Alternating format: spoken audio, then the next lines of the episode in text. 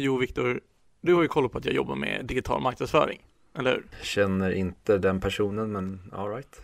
Mm. Så, Jaha, ah, ah, okej det var det du jobbade, jag trodde det var att det var en person som din kollega som hette Nej shit vilket tråkigt gubbe, riktigt såhär boomer-grej var det där en sån där, be- uh, Dad I'm hungry, hello hungry, I'm dad? Var det sånt? Ja där? exakt, Åh nej. Den flög rakt ner i källaren Ja vi glömmer den, eh, pratar aldrig om den igen, slänger bort nyckeln och eh, raderar allt bevis Så, Nu blir jag på bra humör. Jag ville ju ranta lite och vara arg. Nu, ja, men förlåt ehm, Orättvisor i världen, så go Ja, okej, nu kör vi igen. Ehm, nej, men där är ju man- när man lägger ut annonser på Facebook så kan man ju se folk, vad folk har kommenterat på dem. Och då har vi en produkt som vi har, som vi säljer eller erbjuder, som är riktade till äldre personer, alltså 60-plussare. Och för första, som många i vår ålder tänker, vem fan kommenterar på en annons? Många gör det. Men det är så kul hur bittra det svenska folket är generellt, hur mentaliteten fungerar där. För ser så så här, vi, vi erbjuder ett seniorlån kallas det. Och kort sagt om produkten är att det är till för 60-plussare som äger en bostad eh, och då kan de alltså ta ett bolån på bostaden så de slipper betala tillbaka tills de väljer att sälja bostaden eller tills de tyvärr går bort. Och eftersom de, de slipper betala ränta så, alltså under tiden så är det såklart den räntan kommer bli lite högre än ett ordinarie bolån. Och det är en helt frivillig produkt. Men trots det blir folk irriterade på att produkten finns eller att räntan är hög. Så de måste kommentera det. Och jag förstår inte hur logiken går ihop där. Alltså här, varför ska man bli sur på att en produkt finns? Du behöver ju bara inte köpa den.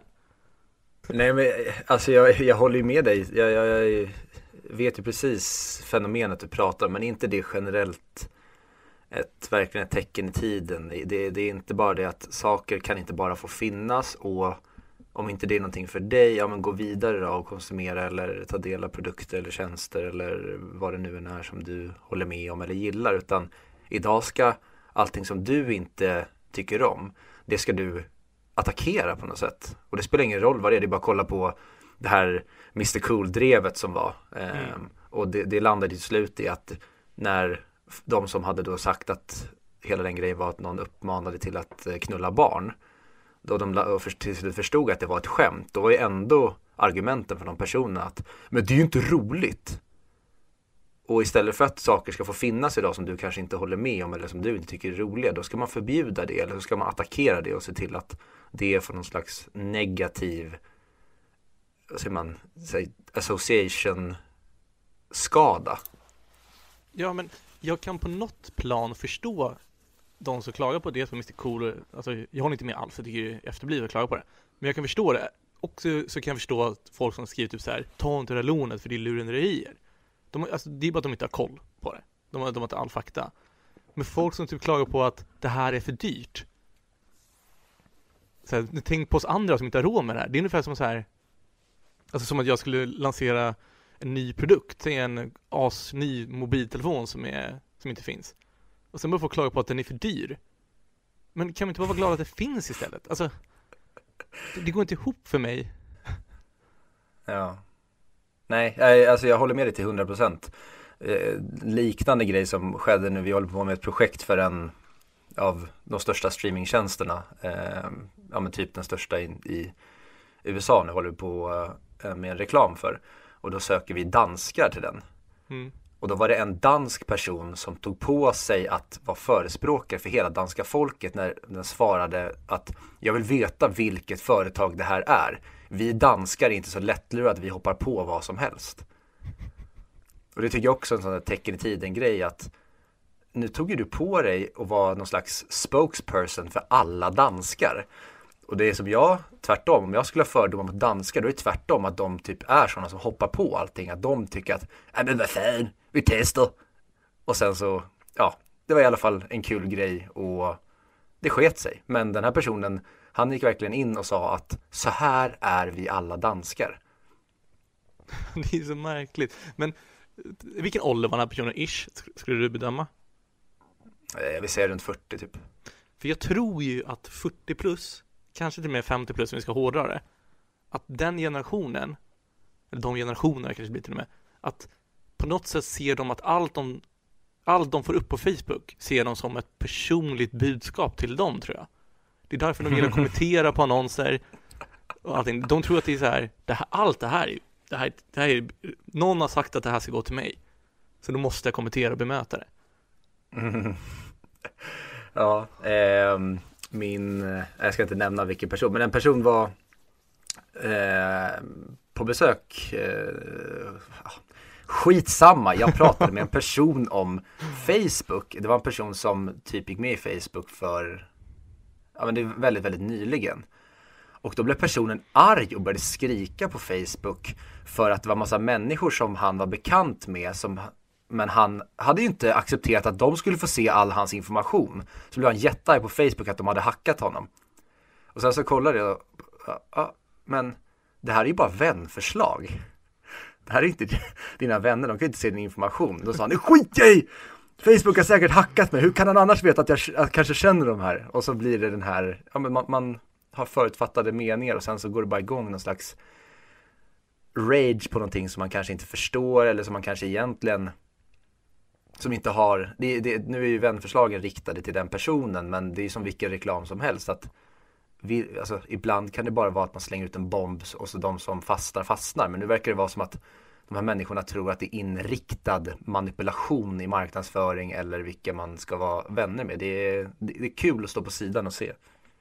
Och nu för att sammanfläta allting till att vi är faktiskt en filmpodd så det där påminner ju om Delete all pictures, nah, Erase all pictures of Ron om du har sett det klippet från Parks and Recreation när han Ron, vad är han? Jag vet inte vad hans position är. Ron Swanson, när han, när han får reda på att det finns massa bilder på honom online. Så skriker han till sin iPad. Erase all pictures of Ron. Ska vi köra igång eller? Ja, det är fan lika bra. Fan vad vi svamlar.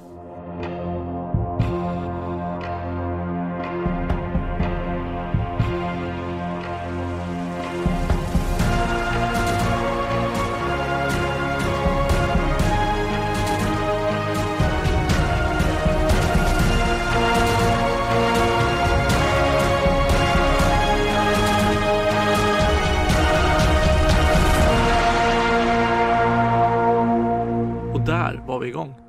Hej och välkommen till 100 Mick. Podden som pratar upp IMDBs topp 100-lista, men inte Charlie Chaplin. Aldrig någonsin Charlie Chaplin. Vi har som vanligt samarbete med Moviesin, som är Sveriges största online-magasin för eh, filmer och serier. In there or less. De har börjat göra mycket nyheter om spel också. Den senaste tiden har jag märkt. Har du också sett det Viktor? Mm, jag har sett att de breddat eh, väldigt mycket. Det har eh, dykt upp, som du sa, lite spel. Sen såg jag till och med att det dök upp att de gjorde reklam för, visserligen är det film, men för eh, lite memes. Spännande. Um, innan jag går in på filmen så kan jag väl säga att uh, som vanligt så är det jag, Fredrik, tillsammans med min partner Victorious. Eller förlåt, eh, Viktor heter jag. Mm. Tydligt så. Som driver den här podden. Uh, och vi har kommit fram till placering 40. Det vill säga avsnitt 61 och det är då filmen Psycho från 1960 av Alfred Hitchcock. Kan vara den enda horror på listan. The Shining räknas väl också in? Ja, jag tror Alien också går under horror.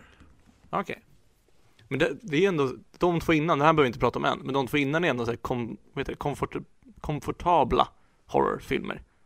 Istället för de här jävla jumpscares, men det pratar vi om då. Mm. Hur är det med dig Viktor? Eh, ingen bryr sig om hur jag mår så att jag kommer inte svara på det. Jag kommer inte fråga dig heller hur du mår utan eh, jag... Vi kan istället, det har ju typ blivit standardgrejen. Har du sett något kul eller intressant senaste tiden? Faktiskt har jag gjort det. Nu när du säger det. Eh, en dansk serie som heter typ såhär I... Iconix. Equinox? Ja. Har du talat om den? Nej. Okej. Okay. Jag vet inte vad de vill göra med den, men det är alltså det är en dansk serie. Dansk-tysk tror jag till och med att den står under, men det är, de pratar danska i den. Eh, den har 6,1 på IMDB, väldigt lågt. Och den handlar väl egentligen om någon konstig kult och lite övernaturliga krafter och sånt där. Det är lite dark känsla över den. Eh, men lite sämre än Dark tyvärr. Men jag, jag, jag tycker den var sevärd. Mm. Men jag, jag gillar ju sånt. Jag gillar ju Lost, jag gillar Dark. Och det här är i, åt det hållet fast inte lika bra tyvärr. Jag förstår, jag förstår, jag förstår. Jag har ju fortfarande inte plockat upp Dark än och jag har inte heller plockat upp. Jag var sjukt nära på att eh, stoppa in Blu-ray-skivan för eh, Band of Brothers. Men jag kom Mm. aldrig längre än så än att jag tog fram fodralet och la det bredvid min Blu-ray-spelare. Bara för att du inte visste vad man gjorde. Du var med den här trådlösa laddningen så du trodde att Blu-ray funkar på samma sätt. Ja, jag är kungen på Pirate Bay, där kan jag hacka varenda grej. Men när det kommer till klassisk, eller klassisk teknik, då har jag ingen aning om. Jag trodde det var, man skulle stoppa in hela fodralet, hela blue, det blåa Blu-ray-fodralet i någon slags kassettöppning. Men nej, det var tydligen inte det. Det är som barn som får en VHS eller eller en kassett i handen och inte har en aning om vad det är för något. Har du Ja. sett någonting kul? Eh, ja, jag har sett någonting väldigt kul. Jag slog på, samtidigt som jag jobbade häromdagen, så slog jag på South Park för att det var många år sedan jag kollade på det. Oh. Och varje gång jag slår på South Park så blir jag lika förvånad över hur briljant skriven den är. Alltså det är helt sinnessjukt. De, de tar ju alla alltså, nutida fenomen och har en otroligt smart och rolig vinkel på det. Mm. Ja, nej, jag blir, eh, var- varje gång så blir jag superimponerad och att de har hållit på, jag tror det är 24 säsonger de är uppe i. Ja. Det är fantastiskt. Men en grej som slog mig var att ibland när man läser, det finns ju oftast, eller finns ju oftast, ibland så ser man ju till exempel omröstningar om vilken som är den bästa filmkaraktären någonsin eller den bästa seriekaraktären eller tv-serien, ja, alla, massa olika omröstningar. Och då tycker jag att man aldrig pratar om Cartman som en av de bästa tv-karaktärerna någonsin. Jag tycker alltid man kan, om vi tar, om vi inte om vi går ner till humor så tycker jag att man pratar om Michael Scott, man pratar om George Costanza, man pratar om Homer Simpson, Peter Griffin ibland, Stewie Griffin, men jag tycker sällan att Cartman nämns där. Och då tänkte jag, men är det bara jag som upplever det så eller är det faktiskt så att han är med i någon slags topplista när det kommer till de bästa seriekaraktärerna? Så jag gick in och kikade och då kollade jag på till exempel en hemsida som heter entertainment.ie och även en hemsida som, vi ska se här, ranker.com. Det lät ju jävligt rankigt så jag tänkte att den kanske är legit att använda sig av. Ja, ja, jag kollade lite olika hemsidor och de som ofta dök upp var typ ehm, Walter White, Tyrion Lannister, Tony Soprano, Dwight Schrute, Sheldon Cooper, eh, Ron Swanson, Al Bundy till exempel, Barney Stinson. Du hör, det är, ju- det är väldigt mycket humorkaraktärer här. Mm.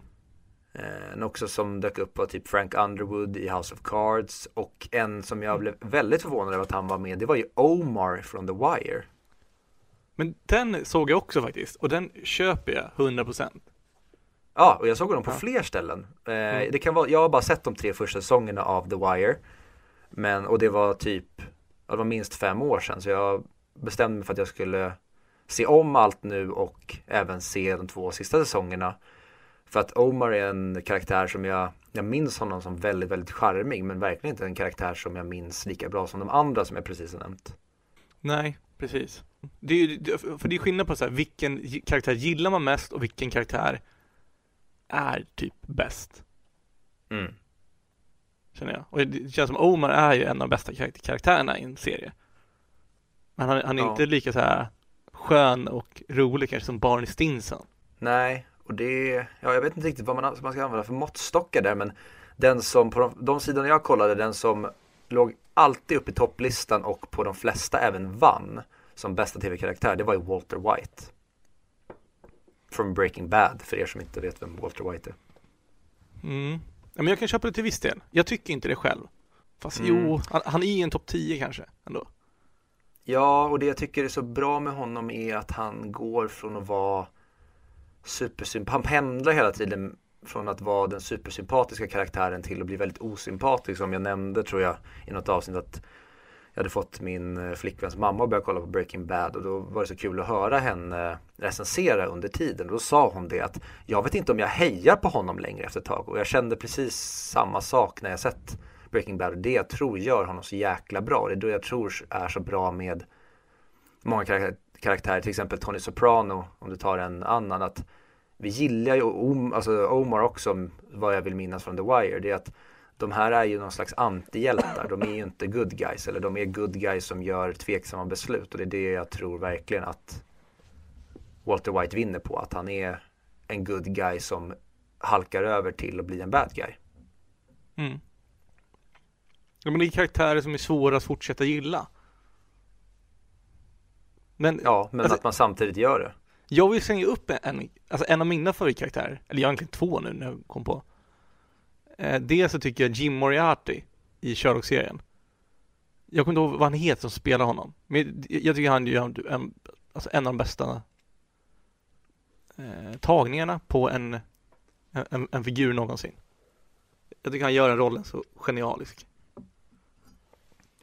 Ja, jag minns inte. Jag tror jag bara sett typ första säsongen av Sherlock eller hur det nu var. Men även eh. Benjamin, Benjamin Linus från Lost. En av mina favoritkaraktärer genom tiderna. Mm. Jag vet att han var väldigt håsad där när Lost gick. Men det är någon som verkligen, i alla fall för mig, har fallit bort. Jag har typ inte, eller jag har tänkt på honom när jag har sett den skådespelaren i andra saker typ ploppa upp på tv. Men jag har inte tänkt så mycket på just Benjamin Linus. Men jag håller med. Det var en karaktär man typ älskade att hata. Eller man, man blev hela tiden arg på honom. För att han Visst var det så att han började som en skurk och sen blev han någon, som någon slags en av the good guys? Ja, spoiler alert nu. Varningen för er som inte sett Lost bör ni göra det tycker jag. Eh, det, blir, det blir som bäst efter säsong tre säger jag, men nästan alla andra säger att det är första tre som är de bästa. Men, eh, ja men det, det börjar med att han ska så här infiltrera dem, dem ju, som blir tillfångatagen där. Och sen visar att, att han är typ ledaren av the others.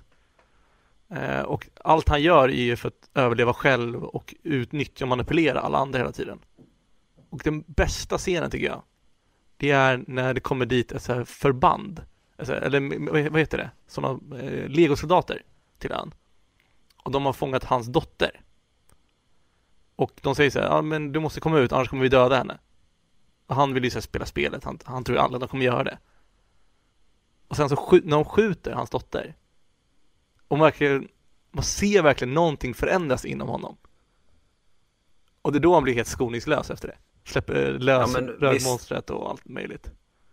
Vi spelar spelet genom att säga, de säger att om du kommer ut så skjuter vi din dotter och säger han så ja men gör det då. Och så gör de det. Exakt. Och då ser man verkligen hur mycket chockad han är. Att han, han gamblade men misslyckades helt.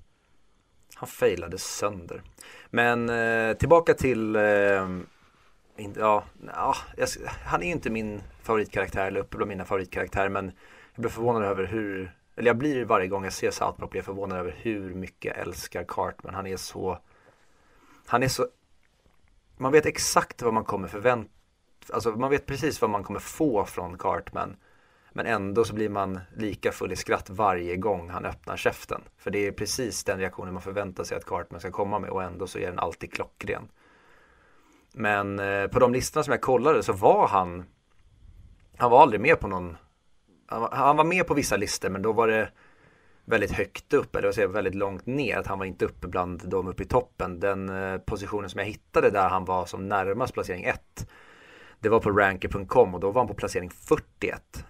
Men jag vet inte, det, det kanske är en 10 000 karaktärslista så då är han ganska högt upp. Men det finns fortfarande 40 karaktärer som är rankade högre än honom där. det, det förvånar mig för det känns som att Cartman är en sån superklassisk populärkulturell ikon.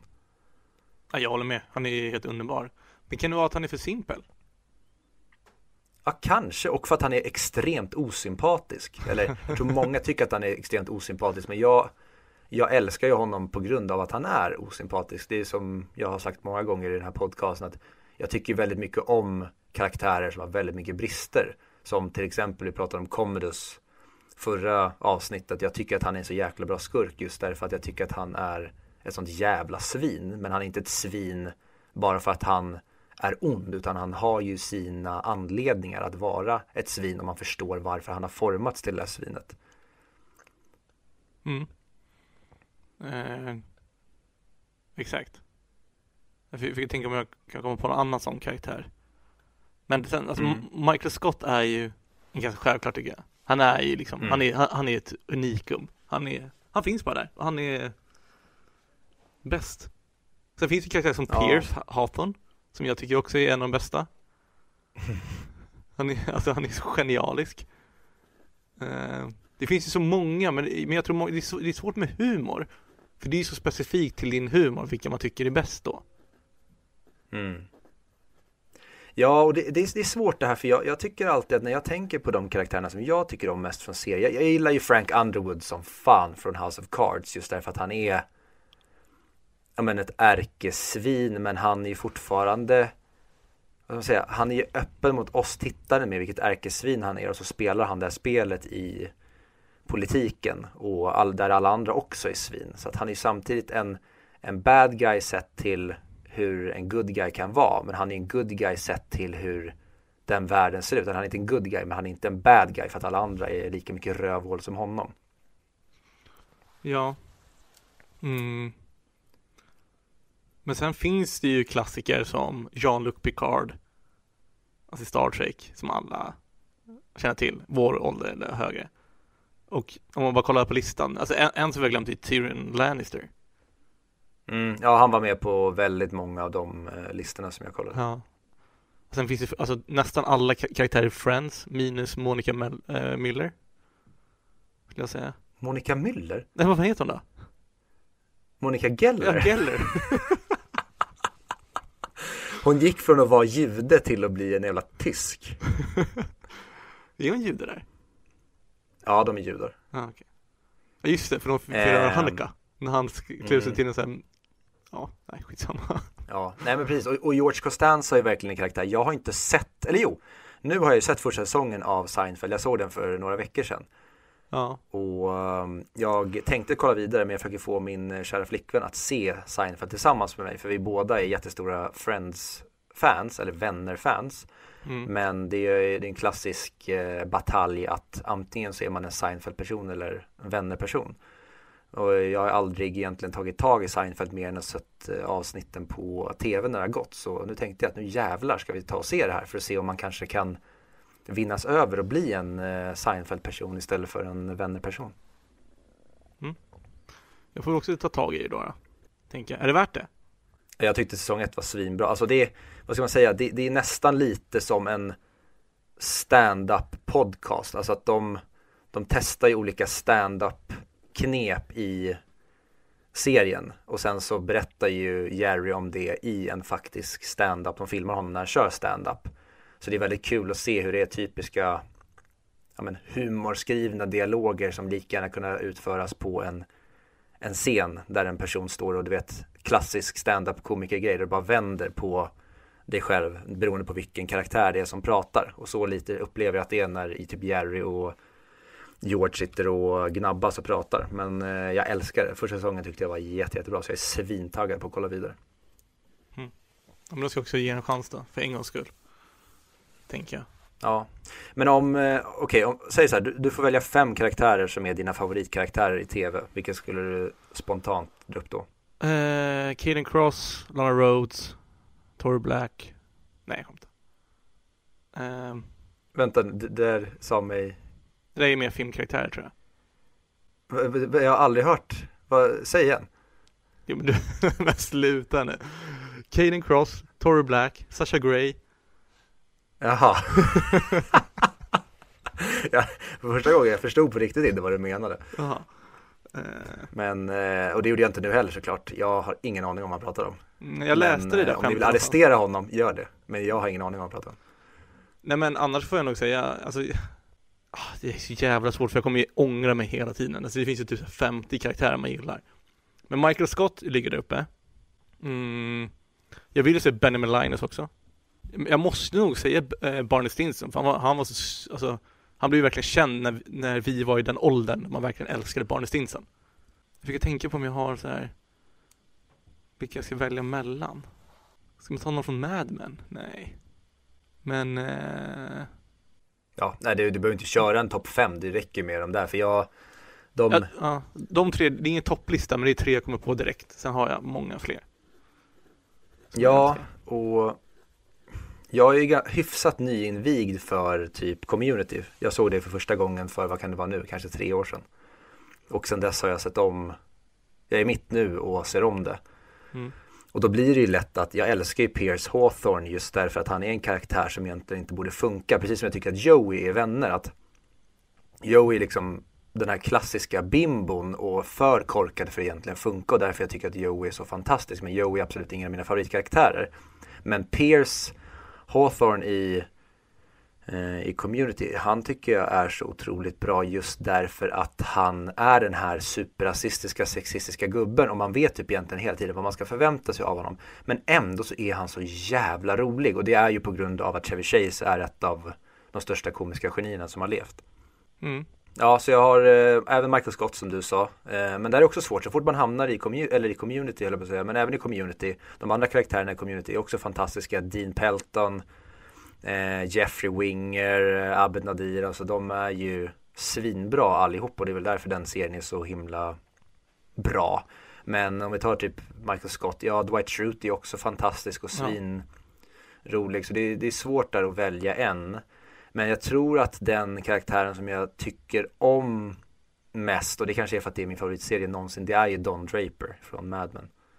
Ja, han är underbar. Men, Men där hon, är också så här. Hon Peggy var också ganska bra där.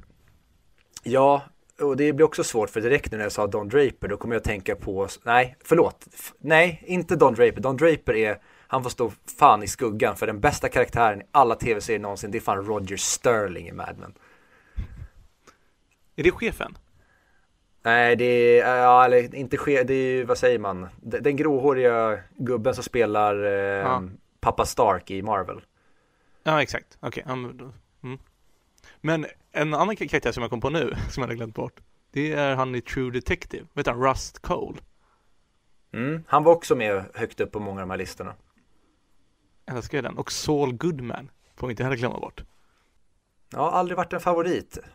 Ja men eh, kul, då har vi eh, pratat lite om eh, tv-seriekaraktärer helt enkelt och jag hoppas att ni alla nu går in och öser lite kärlek över Cartman för det är han fan värd tycker jag. Och på tal om någon som inte fick så mycket kärlek av sin mor. Nu är det också prata om Psycho. Fan vad snyggt och smidigt.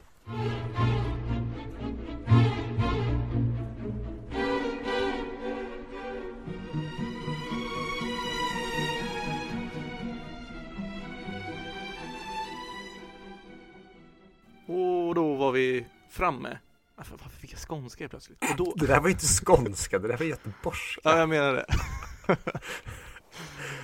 Okej. Okay. Och då var vi framme vid veckans film som eh, då, om ni minns rätt, var Psycho från 1960. Eh, gjord av Alfred Hitchcock. Är, är det hans fjärde film på listan? Han har gjort eh, Vertigo, han har gjort North by Northwest, eh, Rear Window va? Ja, exakt. Mm. Mm. Fjärde filmen av honom. Så vi vet vem det är liksom, den där tjocka gubben. Precis, den tjocka gubben med bulldogs face som, eh, ja, han tycker om att göra lite knäppa, roliga filmer med twist. Jag tänkte dra ett jätte, jättetråkigt skämt om att det här var, att Psycho var filmen från 2000 med Christian Bale i huvudrollen. Jag är glad att du inte gjorde det. Vi, vi ser Alfred Hitchcock, han är väl såhär liksom the master of tension brukar man säga. Är inte det om honom? Mm. Mm, exakt. Och det är ju från den här filmen den ikoniska soundtracket, scoren kommer. I, i, i, Eller hur det låter? Kan du imitera det bättre än, bättre än vad jag gjorde? alltså det där var faktiskt bättre. Fan. Okej. Okay. Hade du sett den innan? Ja, jag har sett den här en gång innan. Ehm, och jag vet inte om jag behöver fråga det, men jag frågar det ändå. Hade du sett den innan? Nej. Vad kul, för det, det tycker jag det gör mer intressant att prata om den här. Eh, kanske bara kan dra en kort premiss först helt enkelt. Att den handlar om den eh, unga kvinnan eh, Marion som då har någon slags liten fling med en herre och han pratar om sina ekonomiska problem. hon stjäl sin chefskunds pengar och ska dra till honom för att ja, leva alla vet du, leva lyckliga alla sina dagar och eh, ha det väldigt trevligt och välställt ekonomiskt. Men eh, hon stöter på patrull när hon tar in på Bates Motel kvällen innan hon ska nå den här eh, platsen där hennes älskade kar bor. Mm. Vad hade du för förväntningar när du, så, när du såg den här? Och varför såg du den första gången? Första gången såg jag den just därför att jag visste att det var en superklassiker och jag tror att det här var under tiden när jag pluggade på filmskola. Det kan ha varit det, eller så var det tidigare. Men det var en sån här film som jag absolut ville se för, jag skulle ha, eller för att alla pratade inte om att Psycho är den här klassikern. Jag visste om det här med musiken som du sa och att den, eh, den skulle ha en jävligt eh, speciell twist. Så det var väl typ det. Det där, med, det med twisten kan vi prata om lite. För det... Ja, jag, jag tänker att vi kan komma till den sen. För det, det jag vill fråga dig som såg den för första gången. Tyckte du att den var läskig? Nej, inte alls. Nej, för det är intressant. För det är ju ändå en skräckfilm och anses ju som en av de mest klassiska skräckfilmerna. Men jag håller verkligen med dig till 100% att det finns ingenting i den här som är läskigt och det tycker jag är till dens fördel att det känns, det här känns mer som en deckare än en skräckfilm för mig. Att det blir mer, jag vill veta mer vad det är som har skett än att jag är rädd för någons öde eller att det ska vara någon som hoppar fram bakom något hörn utan det känns mer som en psykologisk thriller det här. Jo men det håller jag med om. För det är ju lite att man alltid får se gärningsmannen hela tiden. Eller alltså en av de som man misstänker är det. Det blir inte så samma läskiga mysterium då i filmen. Mm. Och hur, hur, hur mycket med på banan var du av vad som skedde nu när du såg den? För det, det är en grej jag också kommer komma till sen att se den första gången versus andra gången. Men trodde du att det hela tiden skulle vara han som, eller att det hela tiden skulle vara mamman som hade mör, alltså var mördaren eller vad förväntade du dig för typ av twist? Alltså jag trodde att det var han, typ hela tiden. Att mamma var död. Jaha, okej. Okay. Att han klädde ut sig. Ja. Ja, det är intressant. För det tänkte, det hade jag ingen aning om första gången jag såg. Då trodde jag att det var morsan och att han skulle på något sätt försöka tygla henne och se till att inte fortsätta göra det och att till slut skulle kanske han skulle bli någon slags antingen hjälpa henne som han gjorde där till att de skulle leva lyckliga alla sina dagar eller att han skulle vändas på något sätt, att det skulle bli Norman som var på något sätt den här personens, ja men oavsett, han skulle växa in och bli huvudpersonen och sen om han skulle sluta på en ond plats eller god plats, det hade jag ingen aning om. Men jag trodde inte första gången jag såg den att det skulle vara morsan. Eller att jag säga, jag trodde inte att det skulle vara eh, han som var psykiskt sjuk och klädde ut sig till morsan. Men är inte det lite också när man går in på den sida på EMDB så ser man bilden på när han ler. Du vet han ler i slutet. Den är ju, det är första bilden som kommer upp när man går in på deras EMDB-sida. Så då fattar man ju att den här killen, det är något som ska upp med honom. Så när man väl får se honom i filmen, då fattar man ju att okej, det är ju han som gör det här. Jo, ja, jo, alltså det kunde ju fortfarande varit han som var the bad guy tillsammans med mamman. Men jag trodde inte första gången jag såg den att det skulle vara mamman som, alltså att han var mamman, att han bara var så wacko. Nej, kanske inte, men, men det känns som en sån här ganska obvious, alltså nu i alla fall, vad är det nu, 80 år efter, så det känns som en ganska obvious plot twist att det är så här det gick till. 60 år efter? Ja, jävlar jag räknade fel. Jag räknade 60 på 20. ja, men nu 60 år efter så förstår man ju liksom. Alltså det har gjort så mycket varianter på det här skulle jag gissa på. Det var en helt annan upplevelse för mig att se den när han visste allting som skulle ske kontra mot första gången. För första gången tyckte jag verkligen att den levde på den här suspensdelen med att de skulle ta reda på vem som hade gjort det och att som jag sa att jag inte visste att mamman inte skulle leva längre. Det tyckte jag den hanterade väldigt bra. Men jag tyckte inte omtidsvärdet på det sättet var lika bra. För jag tycker inte som som jag nämnde med till exempel Shutter Island när vi pratade om den där man hela tiden att när du ser om den då kan du titta på hur alla andra behandlar det. Utan här är det ju verkligen att det är bara Norman som vet sanningen och han vet ju typ inte ens sanningen själv för att han är ju typ mamman och knappt sig själv. Att det är ingen som man kan se som iakttar utifrån utan alla är ju involverade i det här mysteriet. Även den här gubben och kärringen som hela tiden är så klassisk gubbe. Han är sån typisk sån gubbkaraktär som bara nej, nej, nej, du måste sätta sig ner, det är inget konstigt alls. Ja, men det, det är så typiskt den här tiden också, det är det jag lite stör mig på. Alltså hur de tänker och agerar. V vad eh, tycker du om första delen? Alltså fram till att hon åker iväg med bilen. Jag tycker de- den är jättebra. Jag jag är inte så intresserad, i, eh, intresserad av eh, Marion och nu har jag glömt bort vad han heter. Jag säger att han heter Joe, för det känns som att han heter Joe, men det gör han säkert inte. Men jag säger att Sam. Sam, ja just det, hon skriver ju att hon heter Marie Samuel eller något sånt där. Eh, men jag var inte så investerad i deras kärleksstory utan jag tyckte mer var intressant att hon tog pengarna och drog för att hon verkade som en, eh, en, en schysst person. Sen tycker jag att hon är den sämsta på rymmen människan i världshistorien. Det finns- Ja. Och det säger ju till och med polisen att här, du agerar ju som att du är skyldig till någonting. Ja men det är så jävla märkligt. Alltså, hon skulle ju bara lätt kunna klara sig från det.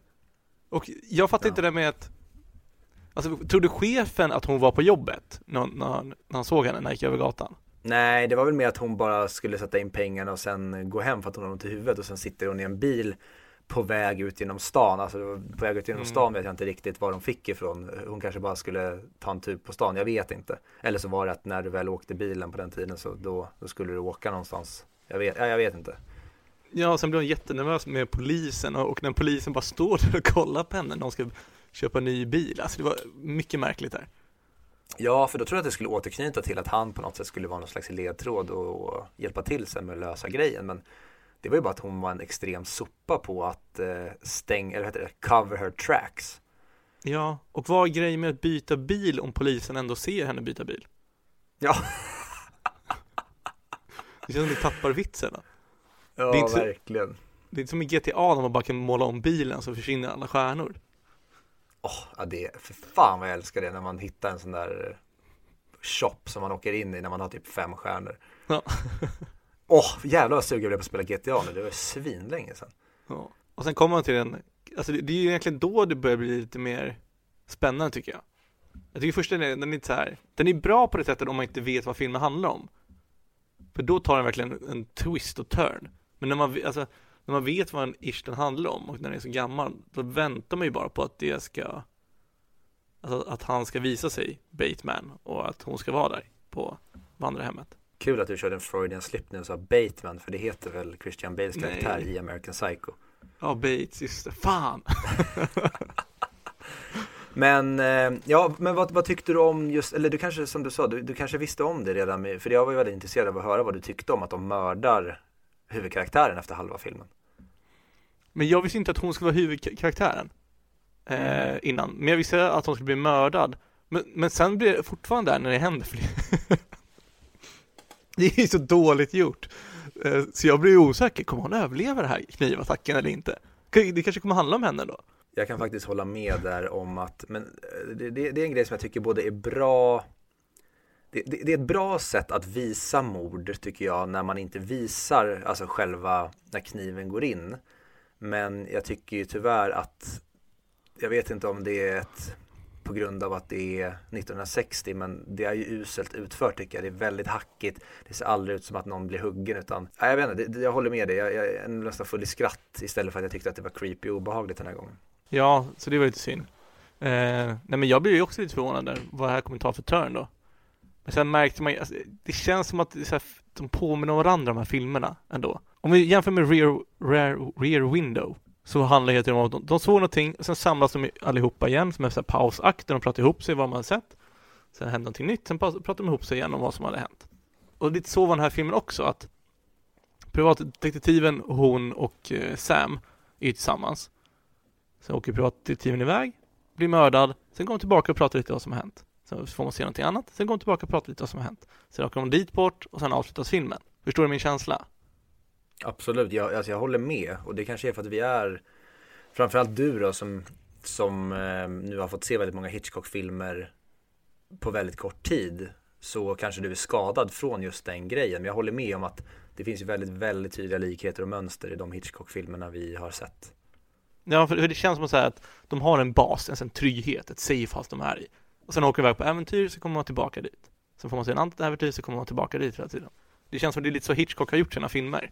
Ja, och en grej som jag läste om den här var att det här var tydligen, det här, och jag håller med om det, det är ju en av, i alla fall av de Hitchcock-filmer jag har sett som är, det här känns som en av hans mest experimentella idé är det här, ja men till exempel att hans huvudkaraktär blir mördad efter halva filmen och sen det här med att det är en person som klär ut sig till sin morsa och är gravt psykiskt störd i huvudet, alltså schizofren.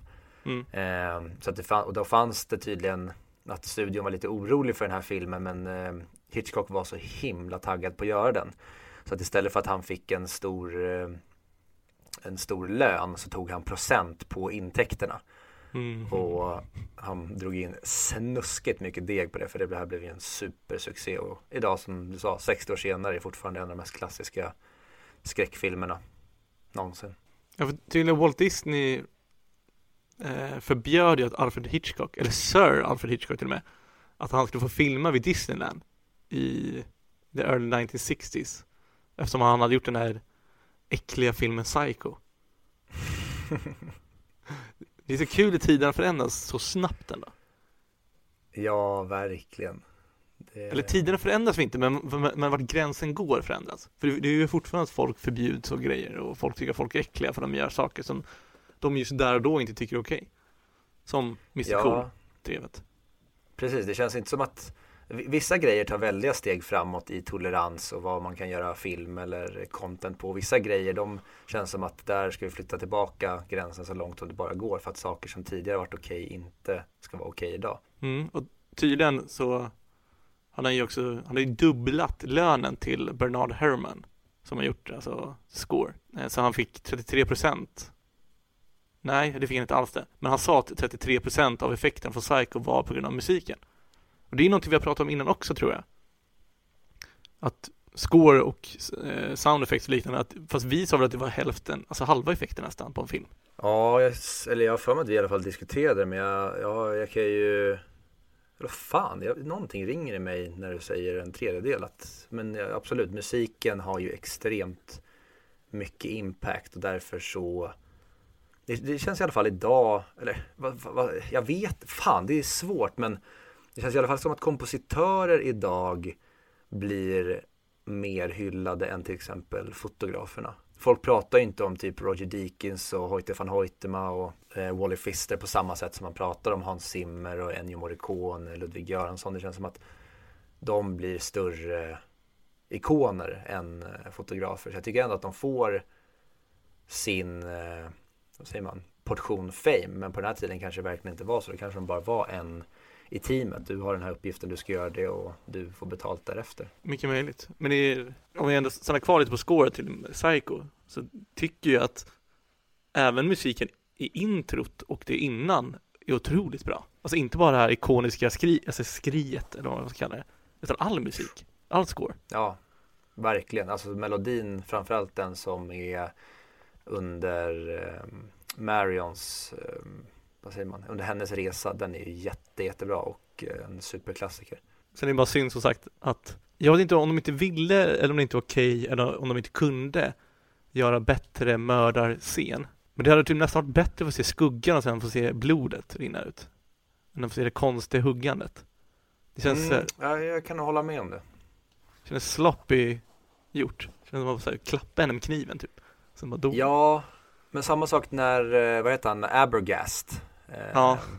När han blir mördad, det ser så jäkla flummigt ut. När han liksom promenerar baklänges ner för trappan, det ser jätteweird ut bara. Det, det, det, det finns ingen, ingen skräck i det där för, för mig för fem år utan jag börjar tvärtom garva nästan för att jag tycker det ser så pajigt utfört ut. Det är nästan värre än i North by Northwest när han tar ut, när de kastar en kniv i någons rygg så tar han ut den, så tar de en bild då, så det är han som är misstänkt. Men jag vill ju fortfarande hävda att det är ett komiskt gag, att det ska vara alltså pa parodiskt. Det är en efterkonstruktion tror jag. Efter han såg det, jag vill att han var inte alls bra. jag hoppas det i alla fall. Åh, det är så kul. Men vad tycker du om systern då? Har inte vi sett en annan film med systern i? Jo, jag vill verkligen säga det. Nej, jag hittar ingenting. Inte jag heller, men det, alltså jag håller verkligen med dig. Eh, jag tänkte precis på det, jag bara, är det någon från någon tidigare Hitchcock-film? Jag var helt säker på att jag, eh, att det skulle vara det, men eh, nej, tydligen inte. Det är bara du och jag som är extremt rasistiska och sexistiska. Att vi tycker att den, en blond kvinna från en 60-talsfilm ser ut som alla andra blonda kvinnor för 60-talsfilmer. Ja, Men du Fredrik, du har Ja. fördomar som du behöver arbeta med. Jag tänker det. Men jag kom precis på en annan sak också innan vi tar fördomarna, om det är okej. Mm. Jag tror när, när jag började framför allt förstå att det var han som klädde ut sig och dödade folk. Det var när han började bli nervös. När detektiven pratade med honom. Då kändes det verkligen som att så här, okej den här killen Det kan vara för att jag typ har sett om första säsongen av Mindhunters nyligen. Så att jag har lite så här psykopat-vibbarna. Men det var någonstans där som jag kände, okej det här är säkert någon take på psyko, alltså, psykopat. Det, jag antar att han har dödat sin mamma som klär ut sig till honom. Typ. Eller till henne. Och du är för skadad av alla studier som har gjorts på seriemördare efter det här. Ja men det, är ju- det, det det jag kommer lägga fram som en kritik också. Det kan jag lika gärna göra nu. Varför det här inte håller är för att det, det var för outforskad mark på den här tiden, tror jag. Och att eftersom det Mm. var ett test så gjorde han inte så bra som han kunde. Han, han hittade en diamant i en sten, men nu har vi börjat slipa den diamanten. Och nu är det mycket finare, nu vill man ha den och ta på den och titta på den. När jag ser den första gången nu, 60 år efter den är gjord, så håller den inte i mina ögon jämfört med många andra liknande filmer. För det, det här skulle jag säga, det är en blandning mellan psykopatmördare och Gone Girl. Ja men det, det kan jag köpa, absolut. Och en sak som jag det är också, jag, jag har ju varit väldigt mycket i försvarsställning när vi har sett den här ålderns filmer tidigare men man kanske ska släppa på det och inte vara så himla förlåtande på grund av att vad den gjorde där och då så tycker jag att mycket av skådespelet är för dramatiskt i stunder för att funka för mig. Till exempel som när Laila hittar mammans skelett i slutet och även när Sam håller i Norman när han sliter sig. Mm. Det ser så himla överdrivet, överdrivet teatralt ut. Han, han gapar så stort som att han vrider sig. Att det, det känns inte som att det är så man gör när man försöker mörda någon och någon håller i ens arm och hals bakifrån. Jag håller med, men sen, jag tycker också att stilen som man gjorde filmer på på den här tiden För jag är, jag är nästan säker på, jag kan ha fel, så pratar man inte sådär snärtigt och rent som de gör i filmerna nu. För det känns som att man får den bilden på folk från 1960, den här är till och med utspelad 1930 Att så här, folk pratade så propert och så snyggt. Det var just en replik som jag inte kommer ihåg nu Där de verkligen har svar på tal på allting hela tiden Och det känns verkligen för krystat Att det är förskrivet eller? Ja, att det verkligen är så här. Nej men jag är väl ingen. Nej men åh, hur fan ska jag formulera det här? Förstår du vad vad jag är inne på? Eller måste jag? Jag tror jag förstår vad du menar. Den, alltså de enda som jag tycker är bra, det är ju när Bates pratar med sig själv liksom. Mm, det tycker jag också är väldigt intressant och roligt att det är just en kvinnoröst. Att han inte gör om rösten så pass mycket att det låter som en kvinna utan det måste ju vara att de har låtit en annan kvinna spela upp de replikerna. Mm. Jag tycker det är för, alltså styltigt. Mm. Alltså i, i många fall. När de pratar. Men det är, det är den här stilen de har från den här tiden. Det har man märkt i andra filmer också. Det, det känns inte lika naturligt som att som, som de faktiskt skulle säga sådana saker. Ja, där tror jag att jag är mer förlåtande men där, där tycker jag kanske att just det, det dramatiska i det hela jag, har- jag har inte problem med det men Okej, Okej, det, det funkar mycket, mycket bättre tycker jag i de andra filmerna där det ska vara mer De är inte lika inställda på att det ska vara skräck och mycket suspens tycker jag som det är den här. Att den här Jag blir aldrig rädd och skrämd på grund av att det känns för spelat. Medan jag tycker att det funkar mycket bättre i typ Rear Window eller eh, North by Northwest till exempel. Där tycker jag att de, de miljöerna och den tonen tillåter det att vara väldigt så här 60-taligt. Mm, Rear Window, när jag tänker tillbaka jag, jag kommer inte ihåg vad jag sa om det i den Så tycker jag inte att det var på samma sätt faktiskt Men det var just någonting som jag reagerade på Alltså det var inte hela filmen igenom Det var någon dialog som jag säger Det där känns väldigt stiltigt Men det är som sagt, det är Mm. ingenting som jag tycker drar ner filmen direkt Eh, det är väl bara en liten så störningsmoment i Psycho Utöver det Det är en väldigt simpel story Egentligen Jag vet inte om jag tycker att de kanske borde ha eh, utforskat hans störning mer tidigare i filmen än att man bara får reda på den i slutet. Men det är det jag tror också att det är för att du och jag är skadade av allting som har kommit efter. Att där och då så var det här en väldigt utforskande och vad säger man? Det var en extrem mindfuck tror jag. För det, det vill jag också tro i och med att också den här doktorn i slutet förklarar alltså vad som har skett och Normans störning för alla i rummet. Alltså han förklarar störningen och vad som har skett för oss. Det tror jag gör att publiken hade inte en chans att fatta vad som hade hänt annars om inte Hitchcock indirekt förklarar det genom en karaktär.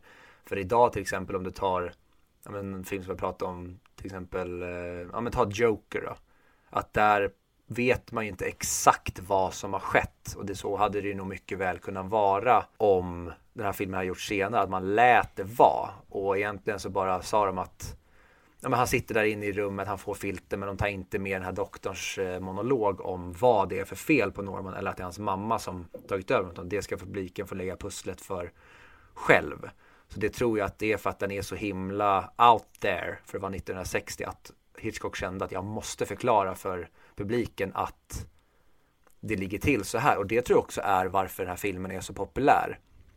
För jag, jag, vill, jag vill ändå säga att många filmer där det är lite tvetydigt om vad som sker, så här, utspelar sig, ja men typ i Inception. Var hela filmen en dröm eller inte, då blir det som en diskussion. Medan hade Chris Nolan berättat för publiken där exakt vad svaret är på Inception så hade den nog varit mer unisont älskad eller unisont hatad och det tror jag är verkligen till Psychos fördel och till dens legacys fördel att det förklaras där för annars tror jag att den hade kunnat bli mycket, mycket, mycket mer hatad där 1960 än vad den blev. Jo, mycket möjligt. För då var vi tvungna att göra det. Är den så spännande den här filmen?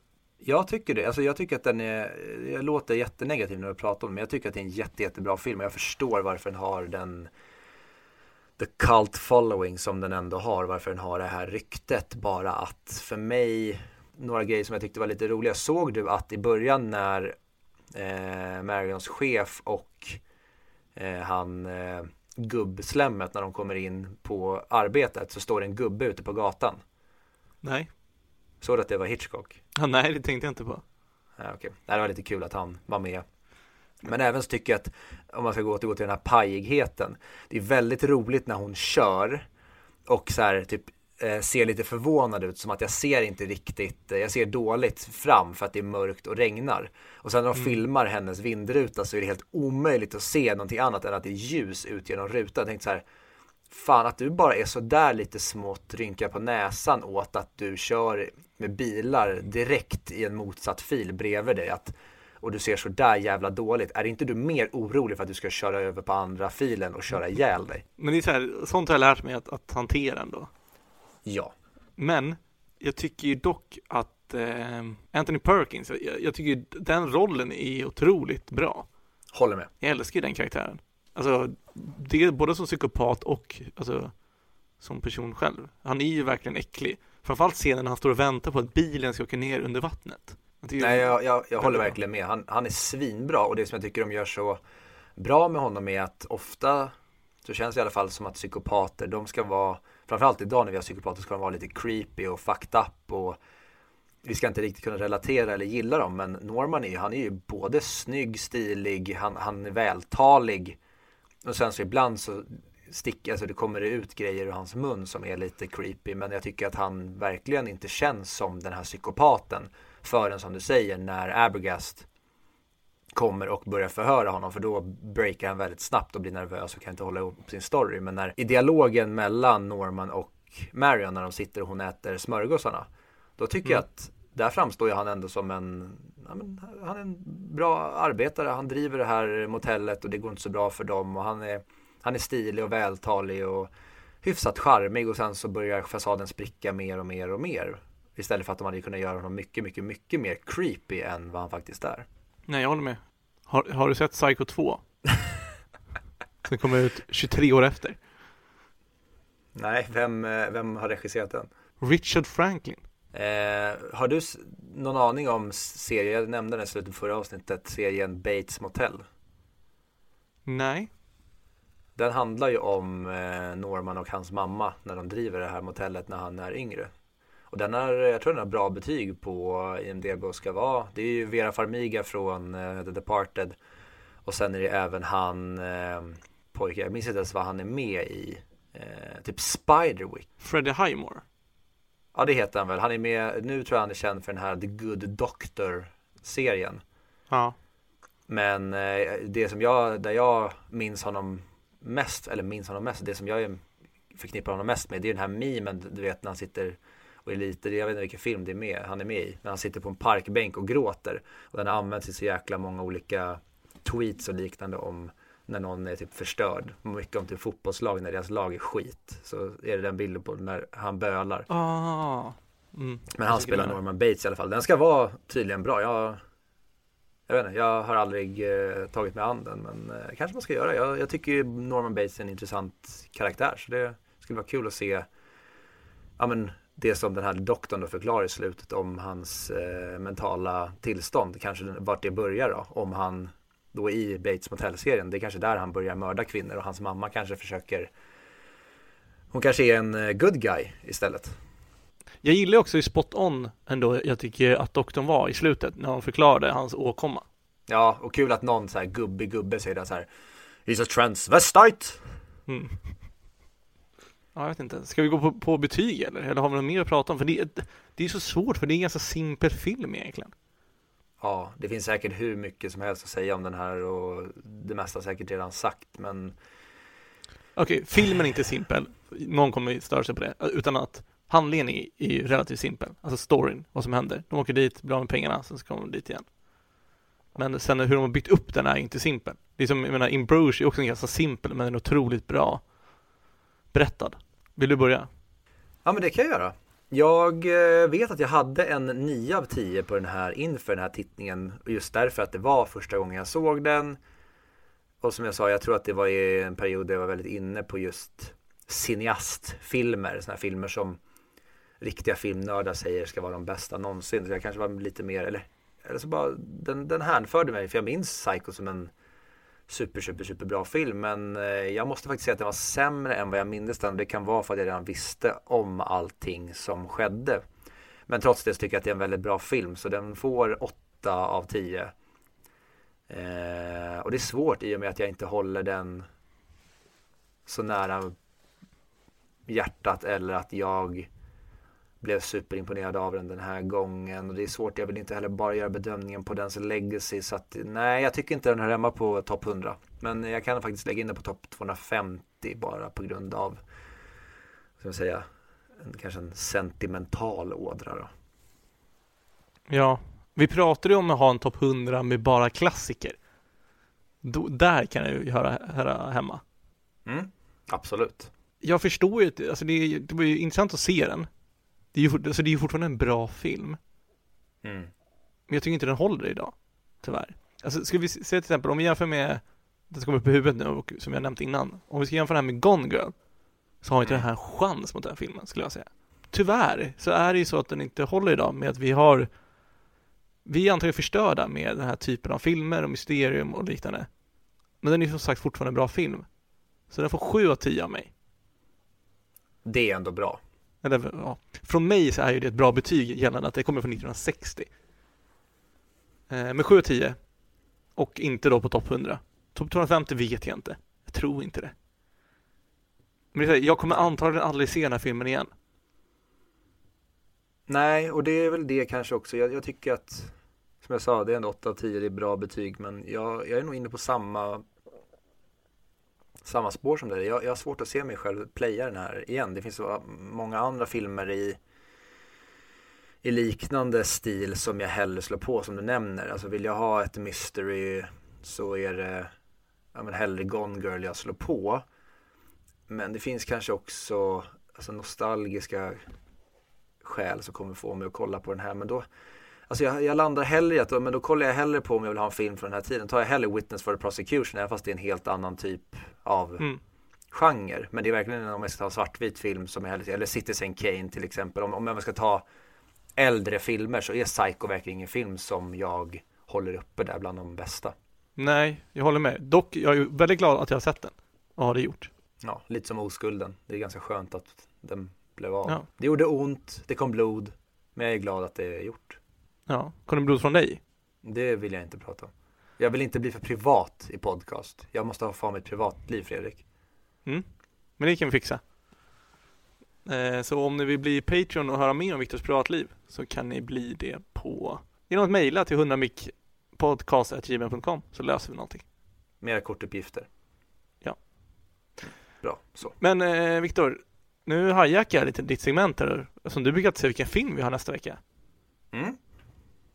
Vi har väl ingen film? Nej, utan det är dags för den sista Charlie Chaplin-placeringen och ni som lyssnar på den här podcasten vet ju att vi alla tidigare gånger har stoppat in första gången en film som vi tyckte, då var det In Bruges. Andra gången så lät vi er lyssnare välja, då blev det Shutter Island och förra gången så chansade ju jag på och tvingade in dig att se Titanic för att du inte hade sett den. Eh, men eh, jag tänker att vi återgår till konceptet nu inför den sista Charlie Chaplin-placeringen och låter våra lyssnare välja vilken film som det ska bli. Kul! Och då så tycker jag att vi gör så här, vi lägger upp de här sex filmerna som vi har valt, tre var. Du väljer tre filmer som du kan tänka att vi ska prata om, jag väljer tre. Och sen så gör vi bara en bild där de ser vilken så här typ av emoji-like som går till vilken. Eh, så får ni från det rösta egentligen. Nackdelen blir att de får ju bara rösta på en, våra kära lyssnare. Men eh, livet består av tuffa val. Ja, nej men precis. Du, fan, du kan ju inte få välja allt utan du får hålla dig till en film som du tycker att vi ska prata om. Och vi, vi kommer lägga upp även samma Vi kommer ju lägga upp och länka på även Instagram och på Twitter så att ni kommer veta vart ni ska gå in och rösta helt enkelt. Men vi kör att hela omröstningen tycker jag sker på Facebook. Ja, det är lättast. Jag tycker typ att vi ska ha mer Transformers 2 som ett alternativ. Ja, men jag vill, jag vill inte prata om den. då måste det, då kommer jag ta med den som ett av mina alternativ. Ja, det får du göra. Kul, det kommer bli bara för att folk vill jävlas. Då, då tar jag med Hobbit. Oh, oh shit, det kommer inte, ja nu istället för att vi tar filmer vi tycker hör hemma på IMDB's topp 100, då tar jag med Klick också. Eller typ Now You See jag. Me, bara filmer jag hatar. Jag gillar Klick och Now You See Me. Så jag är Oh. den. Ja, vi får se, ni får helt enkelt, när det, här, när det här avsnittet ligger ute så kommer vi säkert ha lagt upp posten redan. Exakt. Eh, och ni kommer nog ha fram till torsdag, för då vanligtvis brukar vi spela in, då typ fram till torsdag kommer ni ha på er att rösta, men ja, all information kommer komma. Ja. ja följ oss på Facebook och Instagram och likea våra kommentarer och sånt där. Med det sagt så säger vi hej då. Ja, vi eh, hörs nästa vecka helt enkelt. Ha det så bra. Hej hej! Hej.